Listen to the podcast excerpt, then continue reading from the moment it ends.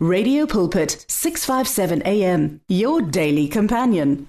dumelang batheletši ba ba rategang ka leina la morena jesu le dumediša gape ke wa lena wa ka mehla ke mašadi mathosa. Motheletši wa ka ke kgopela gore pele re thoma nke re thomeng ka go leboga modimo. Papa ka leina la morena jesu re tla go wena re tlo leboga ge o re fa nako gape mamotlha ya go tla go go theeletša. Re bolela ka botlhale bja modimo bjo re tshwanetseng gore re bo rate re bo embrace gobane ke bo- ke bjona bo tla tlišang tlhompho go rena. Papa le mamotlha re a go mema a ebe wena ka moya wa gago o halalelang o tlo go re ruta. Re kgopela tšotlhe papa ka leina le le botse la morena jesu. Amen. Motheletši wa ka re bolela ka topic ya rena the wisdom of god. Ke ditaba tše di botse re di thomile bekeng ye e fetileng e be le yona insert ya rena ya mathomo. Mamotlha re mo inserteng ya bobedi. Re bolela ka taba ya gore lentšu la modimo le re wisdom e ya modimo botlhale ba modimo bo kgona gore preserva motheletši wa ka. Botlhale ba modimo bo kgona gore boloka you know? Botlhale ba modimo bo kgona go bea kgare godimo ga ditlhogo tša rena kgare ya bokgethwa bja modimo godimo ga ditlhogo tša rena. E kgona gore fa divine or, or that heavenly dignity mo maphelong a rena. This is so beautiful motheletši wa ka. So mamotlha re tlo bala mo go proverbs chapter 1 re thoma mo go verse 20 e tlhalosa taba ya gore this wisdom is in abundance you know? E e- e tlo go bontšha ge ntse re e bala gore this wisdom of god ga se ntho e le gore you- are gonna struggle if you set your heart towards seeking it. It is in abundance. God has abundantly provided his wisdom gore o mongwe le o mongwe wa e nyakang o kgona go e hwetša without struggle. Proverbs chapter 1 verse 20 eh e thoma ka mantswe a gore out in the open wisdom calls aloud. You know proverbs 1 verse 20 e re out in the open. You know the wisdom of god is calling aloud. Botlhale modimo motheletši wa ka bo mo is calling aloud. You know rena batho ba re dulang mo ditoropong ga re sa tlwaetse go kwa batho ba goelela. Ba ba- ba- fetiša molaetša ka go goelela. Empa lentšu la modimo le re god is still doing it the old fashioned way. He's calling out in the open. He's raising his voice in the public square. You know ke the b part ya proverbs chapter 1 verse 20 or out in the open wisdom calls aloud. She raises her voice in the public square. Motheletši wa ka that is why ka letšatši la ka tlholo baebile e re batho ba tlabe ba raowa. Modimo o a tlhola ka go loka. Ka baka la gore he gives everybody an opportunity to obtain the wisdom of God that is able to preserve a life, that is able to keep the life of a human being. Bible e she raises a voice in the public square. Mudimu goes to all the corners where if th- there's people, you know, who can listen to him. Bible more verse 21 e re, on top of the walls. She cries out. At the city gate she makes her speech. This is the wisdom of god. Is everywhere. Go na le mantšu a mengwe mo baebeleng a bolelang gore magodimo le ona a ya bolela ka bogolo ba modimo. Baebele e tlhalosa gape le gore batho ba e le gore motho mongwe ba phedile ka nako e leng gore evangeli e be- e ba sa e rerelwe. Empa modimo o ba ba o ba ba tsebiša thato ya gage. Ka dilo tše a di tlhotseng ka matsogo a gage. Ka mantšu a mangwe ditlhare be dintši di ba bontšha botlhale ba modimo. Dithaba be dintši di ba bontšha botlhale ba modimo. Dinoka di be dintši di ba tlhalosetša. You know they were raising their voices you know. They were crying out showing them the wisdom of god. The seasons as they were changing. Di ne di bontšha botlhale ba modimo. Baebele e re dilo tše ba ne ba tshwanetse gore ba di tsebe ka modimo. They were plain. They were obvious to them. And ke mo e le gore modimo is gonna base his judgment upon. Gore my wisdom was all over. You could have seen it. So lentswe la modimo le re wisdom ya modimo is it's abundantly available. Is all over. There is no excuse. Bible this wisdom calls aloud. It raises its voice in the public square where there are people. At the top of the walls she cries out and she goes even to the city gates to make her speech. Ke kgethile mantswe a motheletši wa ka gobane ke bone gore a tlhalosa ka bogwari ka bothaga gore ke nnete the wisdom of god is all over. Go na le mantswe a mangwe a bolelang gore the knowledge of the glory of the lord will fill the earth as, the waters cover the sea. You know people will just know the glory of god because they see it everywhere.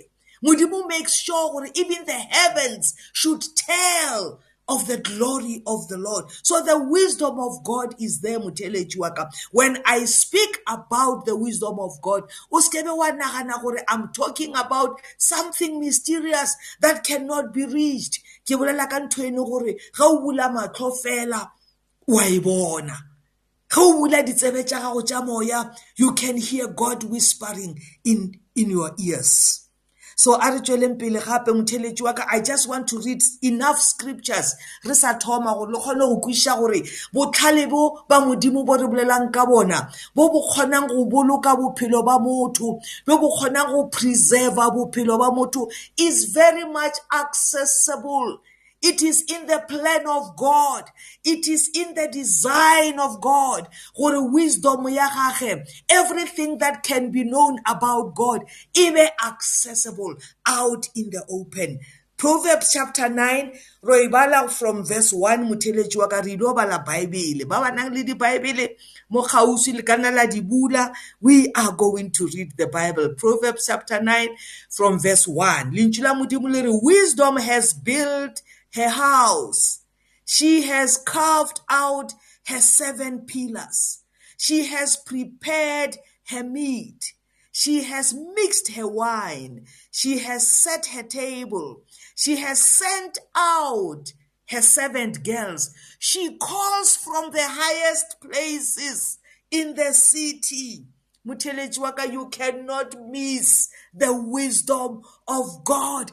There is no excuse, Mutelejwaka, to walk in ignorance of the will of God. Bible, she has sent out servant girls ke di tlhalositse ka re dinoka dithaba ditlhare di change from summer winter spring and autumn. Letšatši ngwedi dinaledi there are all these messengers that the bible is referring to. Bible e re wisdom has sent out her servant girls. She calls out from the highest places in the city. You cannot miss the servant girls as they are telling you of the glory of God, as they are declaring the infinite wisdom of God. Bible verse 4 whoever is gullible, you know, a person who is gullible is somebody who is easily deceived. So mudimu ore mo ore whoever is gullible turn in here she says to a person without sense. So there is no excuse, Mutelechi waka, to walk as a gullible person, as a person without sense. The servant girls of wisdom are out there declaring to you the wisdom of God. It's so accessible. It's abundant. Linchula modimo le re le go tlhoka botlhale you know, go tlhoka botlhale is a scripture ye le gore we refer to it all the time. Re re ge re tlhoka botlhale lentswe la modimo le re kgopela modimo because he will give it to you abundantly without finding fault. So there is no excuse motheletši wa ka to continue in ignorance. Lentswe la modimo le re whoever is gullible turn in here. It's an invitation from the Lord lentswe la modimo le re to a person without sense lentswe la modimo is sending out an invitation aren't we blessed bana ba modimo so mo verse 5 bible come eat my bread You know, this is the invitation by the wisdom of God. Continued. It come and eat my bread and drink the wine I have mixed. So God has laid a table, Mutele Chiwaka. And I want to see with you, you to visualize with the eyes of the Spirit, you know, what God has put on the table. Bible iri, come and eat my bread and drink the wine I have mixed.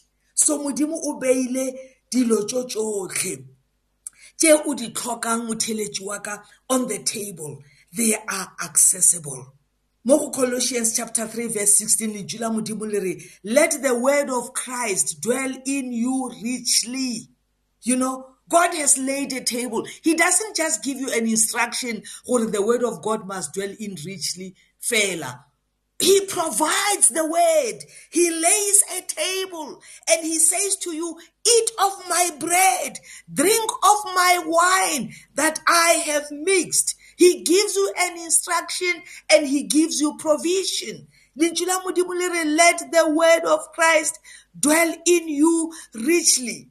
Colossians chapter 3 verse 16 God fills your stomach, you know, which is the spirit of man with his word, you know. He fills your stomach with his word. He says, Come and eat my bread. Come and drink my wine. That is God inviting you to fill your stomach with bread, you know, with his word. He wants you to fill, you know, to, to feed on his word until it saturates you. Then you will begin to see God's presence becoming, you know, beginning to overflow in your life. That is the wisdom of God. Modimo nyaka re tebe mo botlhaleng ba gage motheletši wa ka. Matšatši a re phela mo gona re na le go complaina ka batho ba ile gore ba timetša ke batho ba dirišiwa dilo tša botlaela ke batho. We are all to blame. Wisdom is crying out all over in the city walls out there. Motheletši wa ka in the public spaces. Wisdom is calling out is sending out its servant girls inviting people to come and fill their stomachs with the word of god which is an instruction in colossians chapter 3 verse 16 it is stop being gullible and leave. Start traveling the road to understanding. Motheletši wa ka there is a road that only the people who have the wisdom of God will travel. Lentswe la modimo le bolela ka tsela mmila o mosesane. Lentswe la modimo le bolela ka tsela e petleke ye e leng gore e iša lehung empa e bolela ka mmila o mosesane o e le gore e re few are they that find it regardless of how much God is, is inviting people out there, how much He has made available His wisdom out there, people are still choosing the broad way that leads unto destruction. Maumutla, I'm talking about the narrow way, motheletši wa ka, mmila o motshesane. Lentswe la modimo mo go verse 6 le re, stop being easily deceived and live start traveling the road to understanding. So motheletši wa ka tsela ela e tshesane mo motlha re a e hwetša mo bukeng ya proverbs chapter 9 lentši la modimo le re start traveling the road to understanding. Ka mantswe a mongwe go ra gore le ge e le gore botlhale ba modimo re a kgona go bo bona ka dilo tše a di tlhotseng ka matsogo a gage it's not everyone who who says yes to the invitation to come and eat from the table of God. Ke rata gore mamotlha motheletši wa ka checka tafola e o jang go yona.